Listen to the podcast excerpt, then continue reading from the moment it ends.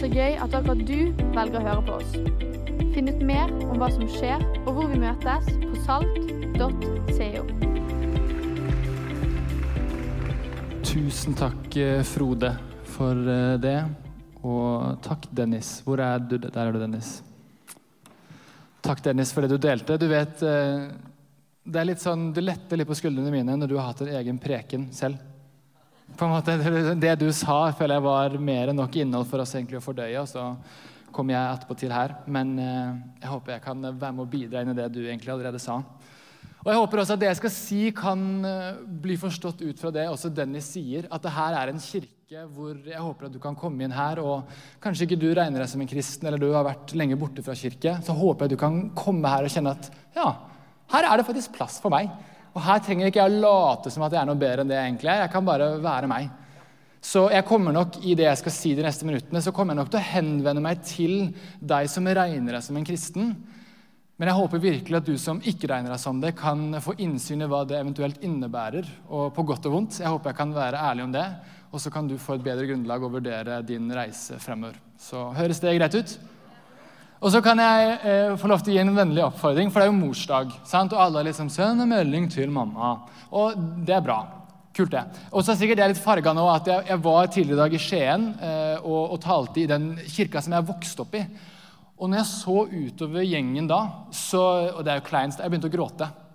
Eh, fordi plutselig skulle jeg nå snakke til en menighet, en kirke, eh, som har snakka inn i mitt liv helt fra jeg var fem år, og det jeg skulle stå og snakke til, det føltes litt rart. For der var det så mange som har betydd mye for meg, og som egentlig har lært meg opp i det jeg nå skal si til de.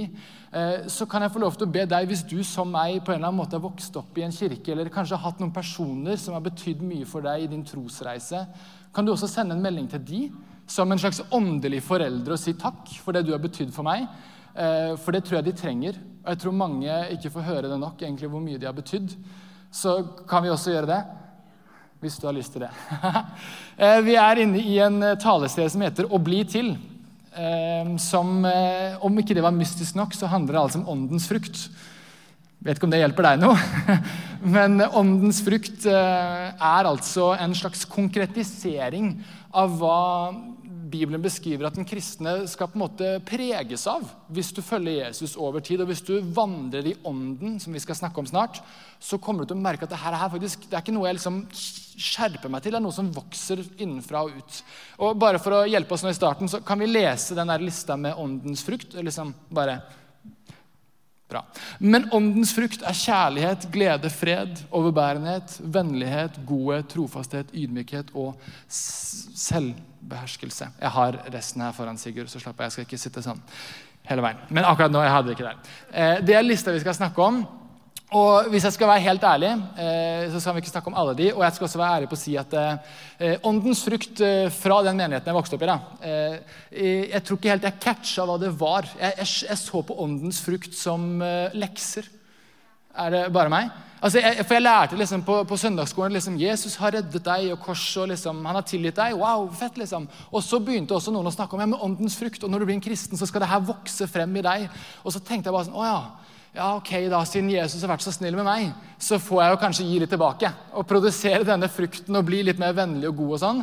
Og så må jeg innrømme, i hvert fall i tenårene, som jeg håper du også tenkte i møte med lekser, så tenker du for det første Kan jeg ikke utsette det litt? må jeg gjøre det nå? Jeg kan gjøre det i morgen. Og, og ikke minst, kommer Jesus til å sjekke leksene? tenkte jeg. Når jeg kommer til himmelen, liksom, kommer han til å sjekke det. Så jeg var litt sånn, er det så nøye?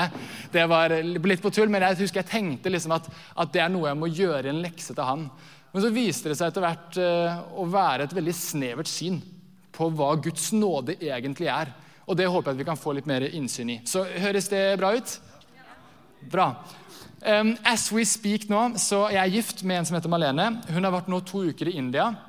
Eh, ja, så ja, det er jo jeg har, nei, jo, jeg har savna henne. Jeg har savnet henne. Det har vært, ja. Men eh, poenget mitt er eh, mens hun har vært borte, og nå fremstiller jeg meg sikkert selv i godt lys, så har jeg prøvd å pusse opp leiligheten litt uten at hun vet det. Skjønner du? Og hun vet ikke, så Jeg tror hun er liksom landa på Flesland nå. Hun er liksom på vei til leiligheten, og hun kommer til å se den før jeg kommer hjem. Så jeg er litt spent på hva hun øh, syns om det. Ja, Det blir ikke så bra, jeg er ikke noe handy. Men ja. Og jeg, jeg fikk hjelp av noen i menighetene med lekter og ting og sånn. Morten Ferkingstad, er du her? Nei. Oi, bommer. Jeg, jeg, sa egentlig til Morten, jeg spurte liksom, kan du hjelpe. Han sa nei, jeg, jeg, kan ikke hjelpe med det. Og så sa jeg da gjør jeg det selv. Og da sa han det er ulovlig. Og så sa jeg ja vel. Så da spurte jeg Mikael. Mikael, er du her? Nei. All right. Jeg skal ikke spørre om én person til om personen her er. Mikael hjalp meg i hvert fall. Det var veldig snilt. Eh, men jeg merka, da eh, Her kommer jeg til poenget mitt. Og det er, ikke, det er ikke sikkert du kan relatere til akkurat det, men kanskje på en annen måte. Fordi når du pusser opp, da, du, eh, da går du inn i en sånn tørketrommel av eh, en runddans, for da begynner du å tenke på alt som ikke stemmer leiligheten din.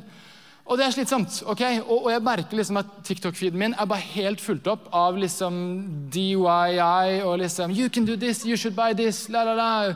So great hack. ikke sant? Og så merker jeg for ikke å tulle mer, da, jeg, jeg merker etter hvert at jeg begynner å bli litt sånn åh, jeg burde kanskje pussa badet, ja. Åh, ja, jeg burde kanskje gjort noe mer med stua. Åh, jeg skulle egentlig hatt litt større stue. Og tenk hvis jeg hadde hage, da, da kunne jeg lagd den der eh, peisplassen som de er ute i hagen. Og så begynner jeg å merke liksom at å, i stedet for bare å pusse opp det lille jeg skulle gjøre, så begynner jeg bare å lengte etter å få noe mer enn det jeg allerede har. Og jeg føler Det er litt symptomatisk for oss mennesker. at Vi blir liksom aldri helt mett. Det er alltid liksom sånn åh, Om jeg bare hadde fått litt til, så hadde det vært nice. Men så hører jeg jo folk som har det jeg ønsker meg. De sier jo akkurat det samme, bare de vil ha litt mer. Og noen tør å være så eh, modige at de sier at vet du hva, jeg har sykt mye, men selv det er ikke nok. Og En som sa det, kanskje dere har sett han heter Jim Carrey. Han sa det her. Han skrev som følger, eller sa I think everybody should get rich and famous and do everything that they ever dreamed of, so they can see it's not the answer. Jeg tror vi alle sammen vet det, men vi sliter likevel med å ta det innover oss. Jeg sleit med det i de to ukene som har vært nå. Jeg vil ha mer, men så skjønner jeg egentlig det han sier. Men så, det setter seg ikke alltid helt fast. Og jeg tror Det er noe av det her som er bakgrunnen for at C.S. Lewis, som alle eh, forkynnere som meg liker å quote, han, quote, han har skrevet Narnia, og han sa noe som følger at eh, kan det hende at eh, når ingenting i den verden her helt kan tilfredsstille oss mennesker, kan det være sannsynlig at vi da er skapt for en annen verden? For noe mer enn det vi ser og tar på i denne verden. Kan det hende at vi er skapt for noe mer? Og Den kristne tror jo ja, og at vi er skapt for en annen verden, og ikke bare himmelen der borte, men vi tror altså at vi kan få tilgang til en annen verden her og nå. Det evige liv er å kjenne Gud, står det i Bibelen. Altså at Det begynner til dels her og nå, at vi får tilgang til Guds fellesskap. og I det så vil vi formes, og åndens frukt vil vokse. Og Derfor er poenget mitt at det er jo ikke en lekse. Det er en lengsel. Å formes mot Jesus er ikke en lekse. Det er min lengsel. Jeg vil jo være i fellesskap med han. Det er han som tilfredsstiller noe i meg som ikke en oppussing eller en bil eller noe som helst kan gjøre. Ikke engang Malene kan tilfredsstille meg fullt og helt, men han kan det. Og det å formes mer mot han, det er ikke min lekse, det er min og forhåpentligvis også din lengsel. Og Det er med det utgangspunktet jeg har lyst til å snakke i dag. Og Når vi skal se på den lista, da, av alle disse ordene. Du kan ta den opp igjen. Eh, glede, fred, overbærenhet, vennlighet, godhet, trofasthet. Så er det jo veldig mange. Jeg tenkte vi kunne fokusere på to av de. Er ikke det greit? Være litt pedagogisk. Og jeg har lyst til å fokusere på to som jeg ofte opplever eh, at folk opplever, inkludert meg selv, som motsetninger. Av og til. Det kan være vanskelig å kombinere de, og det er trofasthet og ydmykhet. Og med det mener jeg altså trofasthet ikke mot hva som helst, for du kan jo være trofast mot et fotballag, trofast mot eh, venner. Og, og, hvis du har merka trofasthetens natur, så vil du vite at det dras mot hverandre av og til. Jeg kan ikke være trofast mot alt og alle. Det går ikke.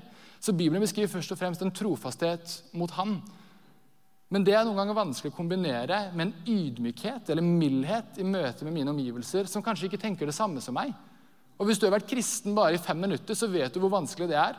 Og skulle du være trofast mot det han sier, og likevel ydmyke møte med folk som ikke syns det er så kult, det du tror på. Det skal jeg prøve å snakke om i dag. Og, eh, har dere noen gang sett eh, The Sims? Altså, eller spilt? The Sims? Rekk opp en hånd hvis du har spilt The Sims. Jeg må se. Ja, nå er vi, ja. Har du ikke spilt The Sims? Du har det, ja. Bra. Ser du, Vi er såpass tett på at du slipper ikke unna denne gangen. Jeg har også spilt The Sims. Det er jo kult, det. Og du vet når du lager en sim, det er lenge siden jeg laget det, men når du lager en person, så kan du lage sånne karaktertrekk. Stemmer ikke det? Nå prøver jeg meg litt fram her. Altså, Du må velge noen sånne trekk som personen skal liksom, karakteriseres av. Så du kan velge liksom, ja, den skal være ambisiøs, grønne fingre. Uh, ja, men skjønner du, Husker du det? Jeg er alltid glad i hagearbeid. Jeg tok alltid grønne fingre. Og, og disse tingene her. Og for å si det litt på, sånn, litt på spissen, så føler jeg ofte at når en kristen ser på listen over åndens frukt, så er det noen ganger så kan i hvert fall oppleves som at folk ikke er bevisst, men at folk nærmest har bare tatt noen av de. Og så er det andre som er helt fraværende. Jeg vet ikke med deg, men Når jeg ser i kommentarfelt på kristne artikler, eller egentlig hva som helst, og det kommer kristne og kommenterer, så mister jeg alltid troen. på, ikke troen på Jesus, men troen på kristne folk. For det er jo Det står i Guds ord! Det står svart på hvitt! Og så er det bare et sånt helt idiotisk, fullstendig mangel på ydmykhet. Og så er det kanskje ja. På en måte Du er trofast mot Guds ord, det du sier. Men du mangler fullstendig den mildheten vi skal ha i møte med andre mennesker. Og da lurer jeg på, Er det egentlig trofasthetens frukt som har vokst i det livet til den personen? Eller er det bare stolthet? Det kan være vanskelig å skille mellom av og til. Jeg tror Et sunt tegn på at åndens frukt faktisk vokser i oss, er at begge deler, og ikke bare de, men også alle vokser samtidig. Du kan ikke velge som en eller annen sånn sim. jeg vil ha litt av den og litt av den. Det skal vokse samtidig. Men så tror jeg samtidig en del andre av oss vi kan kanskje falle i andre fella av at vi blir så opptatt av å være milde og ydmyke i møte med våre omgivelser at det kan gå på bekostning av vår trofasthet mot ham vi tilhører. Og Det er en vanskelig skvis å stå i, men jeg håper at vi i løpet av de neste minuttene kan finne litt ut av det. Er dere med på det? Kjekt. Jo, men det er jo det. Vi lever i en kultur som er mer opptatt av bekreftelse enn endring. Og det er ikke så rart, for det er en bærende idé i vårt samfunn om at måten du finner din identitet på, ja, det er å finne deg selv. Hva enn det betyr. Og nå skal jeg snakke for min egen del, men jeg vet ikke helt hvem jeg er alltid.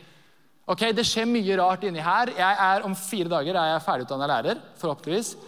Skal jeg jobbe som lærer? Nei. ok, ikke sant? Så, så liksom, jeg vet jo ikke hvem jeg er. Alltid. Kanskje ikke du gjør det hele tiden heller. Kanskje ikke like ille som meg, men jeg håper du kan kjenne deg litt igjen i det. Og Egentlig er det jo en illusjon at jeg egentlig ene og alene skal pakke opp en eller annen sånn ferdig, ferdiggreie om hvem jeg er. Vi blir jo til i møte med hverandre. Blir vi ikke det? Jeg, ikke, jeg blir ikke til i et vakuum, jeg blir til i møte med dere og med de jeg er med. Og Derfor syns jeg en bedre oppskrift på identitet det er ikke først og fremst å finne deg selv, men det er å finne ut hvem vil jeg først og fremst identifisere meg med. Det er en bedre og mer solid oppskrift på identitet. Og jeg som kristen vil ikke først og fremst identifisere meg med Norge. Jeg vil ikke først og fremst identifisere meg med fotballaget mitt, Liverpool. I hvert fall ikke nå lenger, etter at Klopp drar. Og, og, jeg vil heller ikke først og fremst identifisere meg med familien min, og heller til og med ikke med Malene. Som kristen vil jeg først og fremst identifisere meg med Jesus. Og det gøye med han at han bekrefter jo ikke alt i meg alltid. Alt som dukker opp her, det er ikke alltid han sier 'kjør på'. Og det er jeg glad for, for det dukker opp mye rart her. Men det han aldri gjør, det er å avvise meg. Det han alltid gir, er nåde for det som ligger bak, men også nåde til å vandre inn i det han har for meg foran. Er dere med? Ikke bare nåde for det dumme du har gjort, men også nåde til å formes i det som ligger foran. Og det skal vi se på i dag. Og Vi skal møte en person som på mange måter fikk kjenne på det å være en skvis. En skvis mellom å skulle være trofast mot sin Gud og i møte med en helt ny kultur med helt andre idealer og verdier, så skulle han kjenne på den spenningen der som kanskje du også til dels kjenner på. Og Jeg gleder meg til å la dere møte denne personen.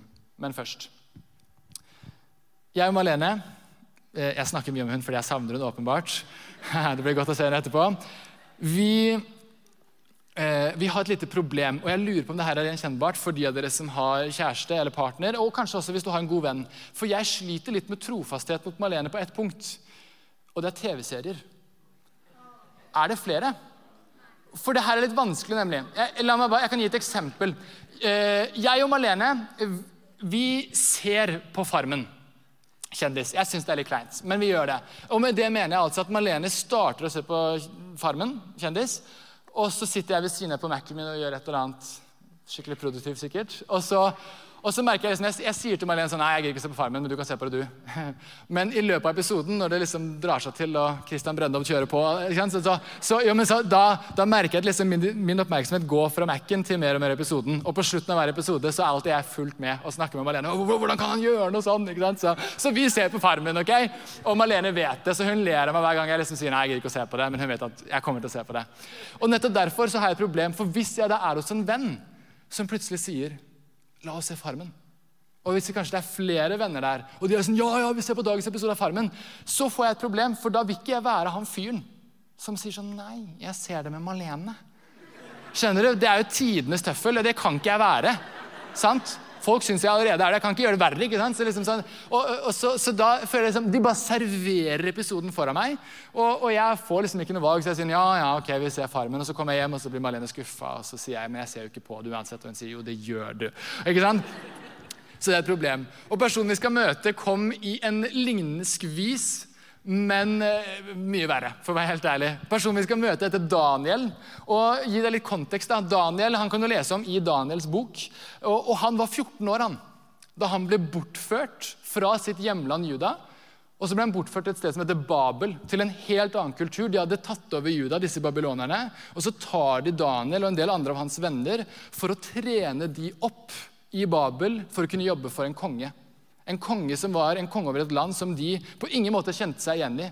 Det var helt andre matskikker, helt andre verdier, helt andre guder. Og så blir de bare tatt fra sitt hjemland og sin jødiske oppvekst og satt inn i Babel. Og Der skal Daniel prøve å være trofast mot sin gud og ydmyke møte med de omgivelsene han er rundt. Han håper jeg vi kan lære litt av i dag. Og er dere med på det? Åh, jeg er så lei at Eivind spør om det. Åh, kan han ikke bare Ok, så vi skal møte Daniel i sin første utfordring fordi kongen serverer mat som jeg tror var ganske digg, men som han ifølge sin tro ikke kunne spise. Og Da kommer vi liksom til første utfordring i møte med trofasthet og samtidig ydmykhet. Og vi kan lese. Det står i Daniel kapittel 1, vers 8-13. Da står det Daniel bestemte seg for at han ikke ville gjøre seg uren med maten og vinen fra kongens bord. Han ba hoffsjefen om å få slippe å gjøre seg uren. Gud lot hoffsjefen få godhet og velvilje for Daniel. Men hoffsjefen sa til ham, 'Jeg frykter at min herre kongen, som har bestemt hva dere skal spise og drikke, skal synes at ikke dere ser så friske ut som de andre guttene på deres alder.' Og da har dere satt livet mitt i fare hos kongen. Og Daniel sa da til oppsynsmannen, som hoffsjefen hadde satt over Daniel, Hanan, Mishael og Saria, 'Prøv tjenerne dine i ti dager. Gi oss grønnsaker å spise av og vann å drikke. Så kan du sammenligne vårt utseende med de unge guttene som spiser av maten fra kongens bord, og behandle tjenerne dine ut fra det du da får se. Daniel får testet sin trofasthet med en eneste gang. Han kunne jo gått for en mer moderne variant. Han kunne jo gått for å lenke seg fast til et eller annet. Babels tårn, kanskje. Det går, det går, ikke, det. Var det et stort tårn? Ja, det var et stort tårn. Ikke, ja. Han kunne, han kunne kasta noe maling på noe kunst og liksom si 'Å, maten deres suger. Dere skal bare visst, liksom. Alle må bli vegetarianere, for det var han jo. Eh, men han gjør ikke det. Han sier, men jeg er ganske ydmykt Jeg skjønner nå sier jeg implisitt, han, han skjønner jo at kongen vil ha friske gutter. Han skjønner jo at de må fungere bra. Så derfor spør han kan jeg få lov til å prøve i ti dager det som min tro egentlig tilsier at jeg skal spise. Og så kan du se selv. Så kan du se, Er vi friske nok? Hvis du syns vi er friske nok, så kanskje vi kan få lov til å fortsette med det. Kan jeg få lov til å, å prøve? Og Mitt spørsmål til oss i kveld er derfor er det noe som du blir servert, som egentlig ligger helt åpenbart foran deg, som alle andre spiser av i overført betydning, som alle andre gjør, eller som alle andre er opptatt av, men som Jesus egentlig har vist et bedre alternativ til? Kan det være noe som du, som meg, ifølge med serien er sånn, ah, men alle andre gjør det jo. Men så er det som at Jesus sier, men jeg, men jeg har jo vist dere noe bedre. Og hvis du faktisk i større grad hadde vært trofast mot det Jesus har vist oss, så kunne det gitt noen resultater som også andre hadde tenkt. Oi, steike, hva er det med de? Hvorfor gjør de sånn? Det virker som at det funker for de. For Daniel gjør det her. Og vet du hva som skjer? Etter ti dager så ser hoffsjefen han sier, Steike, dere ser jo sunnere og sterkere ut enn de andre guttene. Som bare spiste vin og kjøtt, står det. så rart. Så han får lov til å fortsette med det. Noen ganger så tror jeg Jesus sine veier faktisk kan gi oss resultater som også andre tenker wow, det vil jeg også ha i mitt liv. Og så kan det være et vitnesbyrd som kan være attraktivt i møte med folk som ikke tror det samme som oss. Er det noe Jesus har gitt et bedre alternativ til enn det alle andre gjør? La oss følge det og se hva som skjer. Og Apropos resultater, da. Jeg, jeg, og jeg skal innrømme med en gang, jeg syns det er dritkleint å nevne det greiene her, men jeg gjør det likevel. Eh, ta det med en klype salt. Men, for jeg leste noe forskning, ikke sant? og det er alltid en dårlig setning i starten. Ah, jeg leste forskning. Eh, for eh, det var noe forskning fra en professor på Harvard, ok, så det var liksom veldig bra greier. Og jeg, jeg, tror ikke han egentlig var så fornøyd med funnene, for jeg tror ikke han var kristen. Jeg kan vise deg artikkelen etterpå hvis du vil se den. Men han kom fram til, og så veldig tydelig på mange titusenvis av deltakere, at de som hadde en aktiv kristen tro, sammenlignet med de som ikke hadde det, de hadde en betydelig lavere sannsynlighet for dødelighet av alle typer slag. Og de hadde også ikke minst en betydelig lavere sannsynlighet for depresjon. Påfallende. Og Grunnen til at jeg sier at jeg ikke liker å nevne det, er fordi det blir liksom feil fokus. Og det blir litt sånn teit å skulle si liksom, ja, jeg er kristen, så jeg har mindre sannsynlighet for det. Og så sitter kanskje du som meg her i rommet og er egentlig moteksempelet på at til tross for at du er kristen, så har du kanskje hatt noen i livet ditt som har dødd altfor tidlig. Eller kanskje du har slitt eller kjenner noen som sliter med depresjon til tross for sin tro. Så la oss ikke bli sånne idioter som tenker som, ja, vi går på gudstjeneste, og det er ingen depresjon, og ingen dør. og liksom, skjønner Det blir helt teit. For en kristen tro har aldri handlet om å kunne si 'se på meg'. Det har alltid handlet om å kunne si 'la oss se på han'. Men det er ikke alltid så populært, det heller. For Daniel han kan vi møte noen år senere. Han har åpenbart eh, klart denne kombinasjonen virker som, å være trofast og ydmyk, fordi han gjør det veldig bra. Og Han er nå en av 120 toppledere i landet. Det går strålende. Og ikke bare det, han kommer til å bli forfremmet, står det. Foran de andre 119. Og jeg vet at det er mye albuer og sånn på sikkert jussen og NHH, og sånne ting, så kanskje dere kan kjenne dere igjen. Jeg er lærerstudent, så jeg, jeg, kjenner meg ikke igjen i det her. Men de 119 andre ble ikke så fan da, av Daniel når han liksom gjorde det best. Så, så de kommer opp med en felle. De får kongen i landet til å vedta at hvis noen under noen omstendigheter ber til en annen konge og gud enn kongen i Babylon selv, da skal det være en dødsdom over den handlingen. Og Daniel har nå vært i Babylon i mange mange år. Han har virkelig vært i denne skvisen lenge, og så plutselig får han ikke lov til å be til sin Gud engang. Jeg vet ikke hva jeg hadde gjort. Daniels respons er i hvert fall dette, og jeg syns det er fascinerende. Så snart Daniel fikk vite at skrivet var satt opp, gikk han hjem. I takkammeret hadde han åpne vinduer som vendte mot Jerusalem. Tre ganger om dagen så falt han ned på kne for sin Gud med bønn og lovprisning for slik hadde han alltid gjort. Trofasthet. Den var ikke til salgs. Selv om det var en dødsdom over det han gjorde, så var det no go. Selvfølgelig skal jeg be. Og Det viser seg at noen menn kommer stormende inn rett etterpå, og så tar de ham på fersk gjerning. De venta jo på det. De satte jo den loven for han. Og så tar de ham fram for kongen. og så, Selv om kongen liker Daniel, så må han si loven er klar. Du må dø. Og så blir han dømt til døden. Det er et dramatisk eksempel. Men kan det hende at Jesus inviterer til en trofasthet til deg som kanskje ikke høster applaus hos folk som ikke tror det samme som deg? Det er et skummelt spørsmål, men kan det hende at han ber om din trofasthet på noe som andre tenker at er helt blåst? Jeg vet ikke, og Dette er et vanskelig farvann. Men jeg syns det blir feigt å ikke touche innom noe som vi åpenbart Hvis du er kristen, så har du kjent på det. Og Vi er i en kjempeskvis når det kommer til den vestlige verdens mest rådende og mest sterke idé akkurat nå, nemlig at etikk og moral til en viss grad er subjektivt og ofte blir begrunnet terapeutisk. Med det mener jeg altså at det som føles rett for deg, det er selvfølgelig rett for deg. Det må du få lov til å gjøre. Det er overalt, apropos hva som blir servert. Det er overalt. Og det går på bekostning av hva egentlig Bibelen sier. For vi tror ikke at alt vi tenker, er sant. Vi tror dette er sant. Og det er kjempevanskelig for en kristen å stå i det spennet, det vet du hvis du er det, av å være trofast mot det han sier her, og skulle være ydmyk og mild i møte med de som ikke tenker det samme som oss, og ikke minst i møte med de som er direkte berørt av det, som opplever at denne boken her sier noe om de som gjør at de føler seg små, skamfulle, og kan jeg få lov til å si unnskyld hvis du er her eller kjenner noen som av kristne i trofasthetens navn har gjort at de føler seg veldig små? At de føler seg skamfulle, at de tenker ah, alle kristne hater meg. Hvis du har følt eller kjenner noen som har følt det, så har jeg lyst til å si beklager. Sånn skal det ikke være. Åndens frukt er både trofasthet og mildhet og ydmykhet. Og som kristne er vi kalt til å ikke gjøre oss, vi skal ikke gjøre oss til dommere over andre. Vi skal elske vår neste. Men jeg tror du også vet at å elske ikke alltid betyr å bekrefte. Enhver forelder, enhver ektefelle eller partner, enhver venn, god venn, vet at å elske den personen ikke alltid innebærer å si ja, ja, ja, kjør på.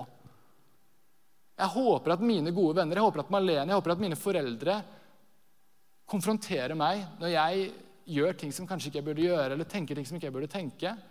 Og så er det kanskje lett for meg å si kanskje du føler deg mer berørt på en måte som ikke du føler at du kan gjøre så mye med. Og jeg skal ikke sette meg i den situasjonen, for det, det kan jeg ikke. Men jeg tror kjærlighet ikke alltid betyr at vi skal bekrefte alt vi tenker og mener. Vi trenger mer enn bare følelser for å avgjøre hva som er rett og galt, sunt og sant. Et godt sitat som kanskje noen av dere har hørt nå i det siste, at våre følelser er alltid ekte men de forteller ikke alltid sannheten. I mitt sinne, i min forvirring, så kan jeg mene noe som føles veldig sant for meg, men som egentlig ikke er objektivt sant. Og den kristne er ment til å søke det siste. Det som faktisk er objektivt sant, og det er vanskelig. Vi trenger mer enn følelser for å avgjøre hva som er sant. og Det er derfor Jesus sa så fint at når sannhetens ånd kommer, at da skal han veilede til hele sannheten. Den samme ånd som det skal gjøre at det vokser frukt i den kristne sitt liv, skal også veilede oss til sannheten. Ikke sannheten min, ikke sannheten din, sannheten med stor S. Og den er ikke alltid bekreftende, den kan være ganske konfronterende. Men det er den sannheten vi er kalt til. Og Jeg gjentar det jeg sa i stad. Jeg er jammen ikke sikker på om det er åndens frukt som vokser når en kristen person møter folk i en sårbar posisjon med enkle svar på vanskelige situasjoner Jeg beklager hvis noen gjør det. Det er ikke riktig. Åndens frukt er alle disse tingene på en gang. Både trofasthet og mildhet, og ydmykhet, vennlighet, selvbeherskelse i møte med alle de vi møter.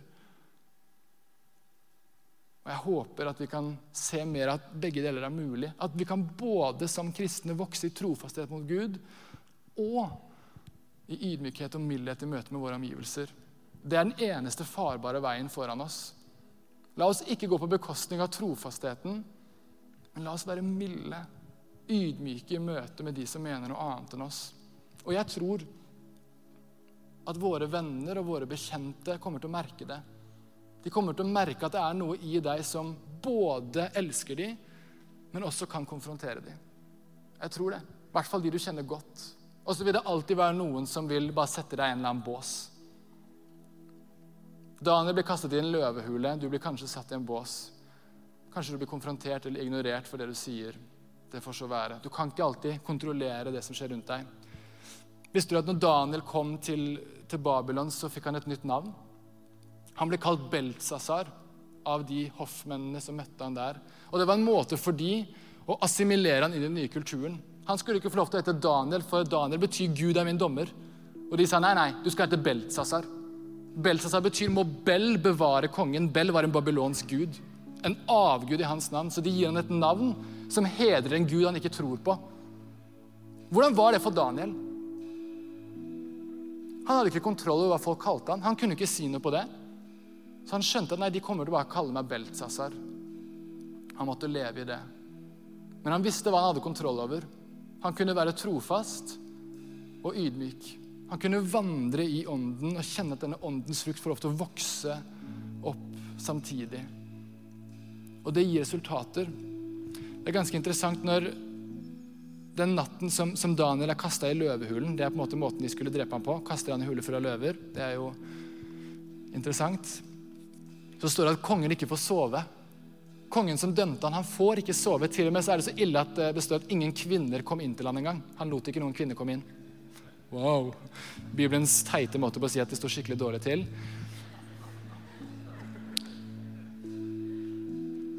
Og neste morgen er fascinerende å lese. Jeg har lyst til å ta dere med dit. Det står tidlig om morgenen ved soloppgang så sto kongen opp og skyndte seg etter løvehulen. Da han nærmet seg hulen, så ropte han med angst i stemmen på Daniel. Daniel, du tjener for den levende Gud. Har din Gud, som du stadig dyrker, kunnet berge deg, berge deg fra løvene? Det er et langt spørsmål til en person som sannsynligvis er død. Jeg hadde gått for sånn Hallo? Han går for et langt et. Men Daniel er jo ikke død. Det er mirakelet her i denne historien. Det står da svarte Daniel, lenge leve kongen. Min Gud sendte sin engel og lukket løvenes gap så ikke de skadet meg. For jeg er funnet uskyldig for han. Og heller ikke mot deg, konge, har jeg gjort noe galt. Da ble kongen svært glad og befalte at de skulle dra Daniel opp av hulen. Da de hadde dratt Daniel opp av hulen, fantes det ingen skade på han, for han hadde stolt på sin Gud. Daniel står bokstavelig talt i den hulen her nede i sin trofasthet. Han er i hulen ene og alene pga. trofastheten. Og mens han bokstavelig talt står i sin trofasthet, så ser han opp på kongen og sier, 'Lenge leve kongen'. Kongen som sendte han ned dit, til den sikre død, får likevel en hilsen tilbake. 'Lenge leve kongen'. Trofasthet, ydmykhet. Og så sier han for jeg er funnet uskyldig for han. Først og fremst, for Gud er min dommer, sier han. Trofasthet. Og heller ikke mot deg har jeg gjort noe galt. Ydmykhet. Hvis det stemmer, da. Daniels historie er jo inspirerende, og jeg kjenner wow, jeg har mye å lære. Men jeg er glad for at Daniels historie er mer enn det. For jeg kan snakke for min egen del. Jeg klarer ikke alltid å være både trofast og ydmyk. Jeg får det ikke alltid til. Av og til er jeg ingen av delene. Og Det er derfor jeg er glad for at Paulus, som også skriver så frimodig om åndens frukt, han sier også at når vi er troløse, når vi ikke får det til, så er han fortsatt trofast. Det er evangeliet. Og Daniels historie er mye mer enn bare et eksempel vi kan tenke wow, kunne jeg blitt litt mer sånn? Det er ikke kristentro. Det er bare inspirerende eksempel. Daniels historie er mer enn et eksempel, det er et frampek. Daniels død, nesten død, alltid, Daniels uh, seier over døden i den løvehulen, er jo et frampek på en annen seier. Daniels, død, nei, Daniels seier over døden er et frampek på en mye større seier. På Jesus seier over døden. Daniel reddet seg selv, men Jesus reddet alle som vil tro på ham. Jesus er den ultimate Daniel. Og Bibelen er full av det. by the way. Historier som er fascinerende, men som alltid peker på det mest sentrale i kristen tro. La oss ikke bli sånne som går hjem og tenker å, nå må jeg bli mer, jeg må bli trofast og ydmyk og jeg må skjerpe meg. Nei, nei. Se til korset. Se til det som troen faktisk er utgangspunktet i. Der finner du alt du trenger. Og Det er det også denne historien peker på. Og Ut fra det så kan vi ta imot Guds nåde for det som ligger bak, og også ta imot den samme nåden for å kunne vandre med Han mot åndens frukt i det som ligger foran. Det er ikke en lekse, det er din dypeste lengsel. Skal vi reise oss?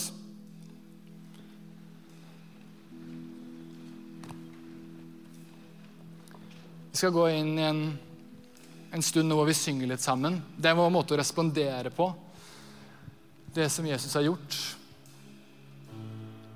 Og før vi gjør det, så har jeg lyst til å gi en invitasjon. Som det ble sagt tidligere i gudstjenesten, så er det mange som bare i år har sagt at de har lyst til å tro på Jesus. For første gang, kanskje. Og det skal du selvfølgelig få muligheten til i kveld.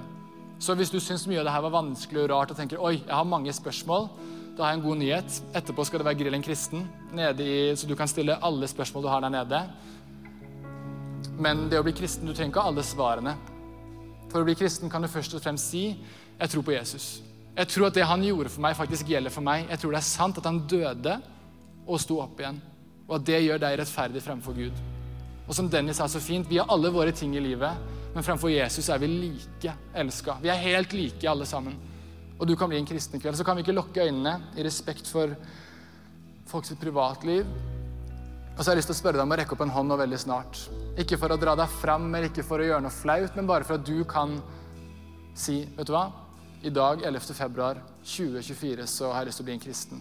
Eller kanskje på veldig veldig lenge så sier jeg nå for igjen vet du hva, jeg har lyst til å bli en kristen. Det er jeg og et par andre ledere som bare ser, så vi kan se om det er noen, noen mennesker. Men hvis det er deg, så skal ingen ta deg fram. Men hvis det er deg, så kan du få lov til å rekke opp en akkurat nå. Så skal jeg bare si Gud velsigne deg. Gud velsigne deg der. Er det noen flere som har lyst til å si ja? Vi tror ikke det er noe fiksfaks. Det står at den som tror i sitt hjerte og bekjenner med sin munn at Jesus er Herre, han skal bli frelst. Han skal regnes som Guds barn. Så hvis det er noen flere, kan rekke opp en hånd nå. Jeg ser deg der. Så fint. Gud velsigne deg. Så fint. Dere kan ta ned hendene, så kan dere be etter meg. Kjære Jesus, takk for at du kom til verden for å redde mennesker og for å redde meg. Jesus, jeg tar imot din tilgivelse, og jeg velger å kalle meg din.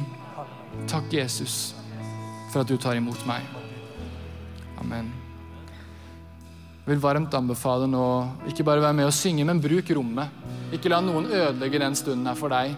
Der borte vil det nå etter hvert stille seg opp masse mennesker som har lyst til å be for deg. Det er ikke noe hemmelig. Kan du, du, kan bare gå bort der, og det er ikke noe mystisk. Du kan bare si 'Kan du be for meg?' Og så, og så gjør de det med glede. Du kan tenne lys bak der, og ellers så kan vi bare bruke rommet som det er. Så la oss synge sammen. Takk for at du hørte på. Håper vi snakkes enten her eller i kirken neste søndag. Ha en nydelig uke.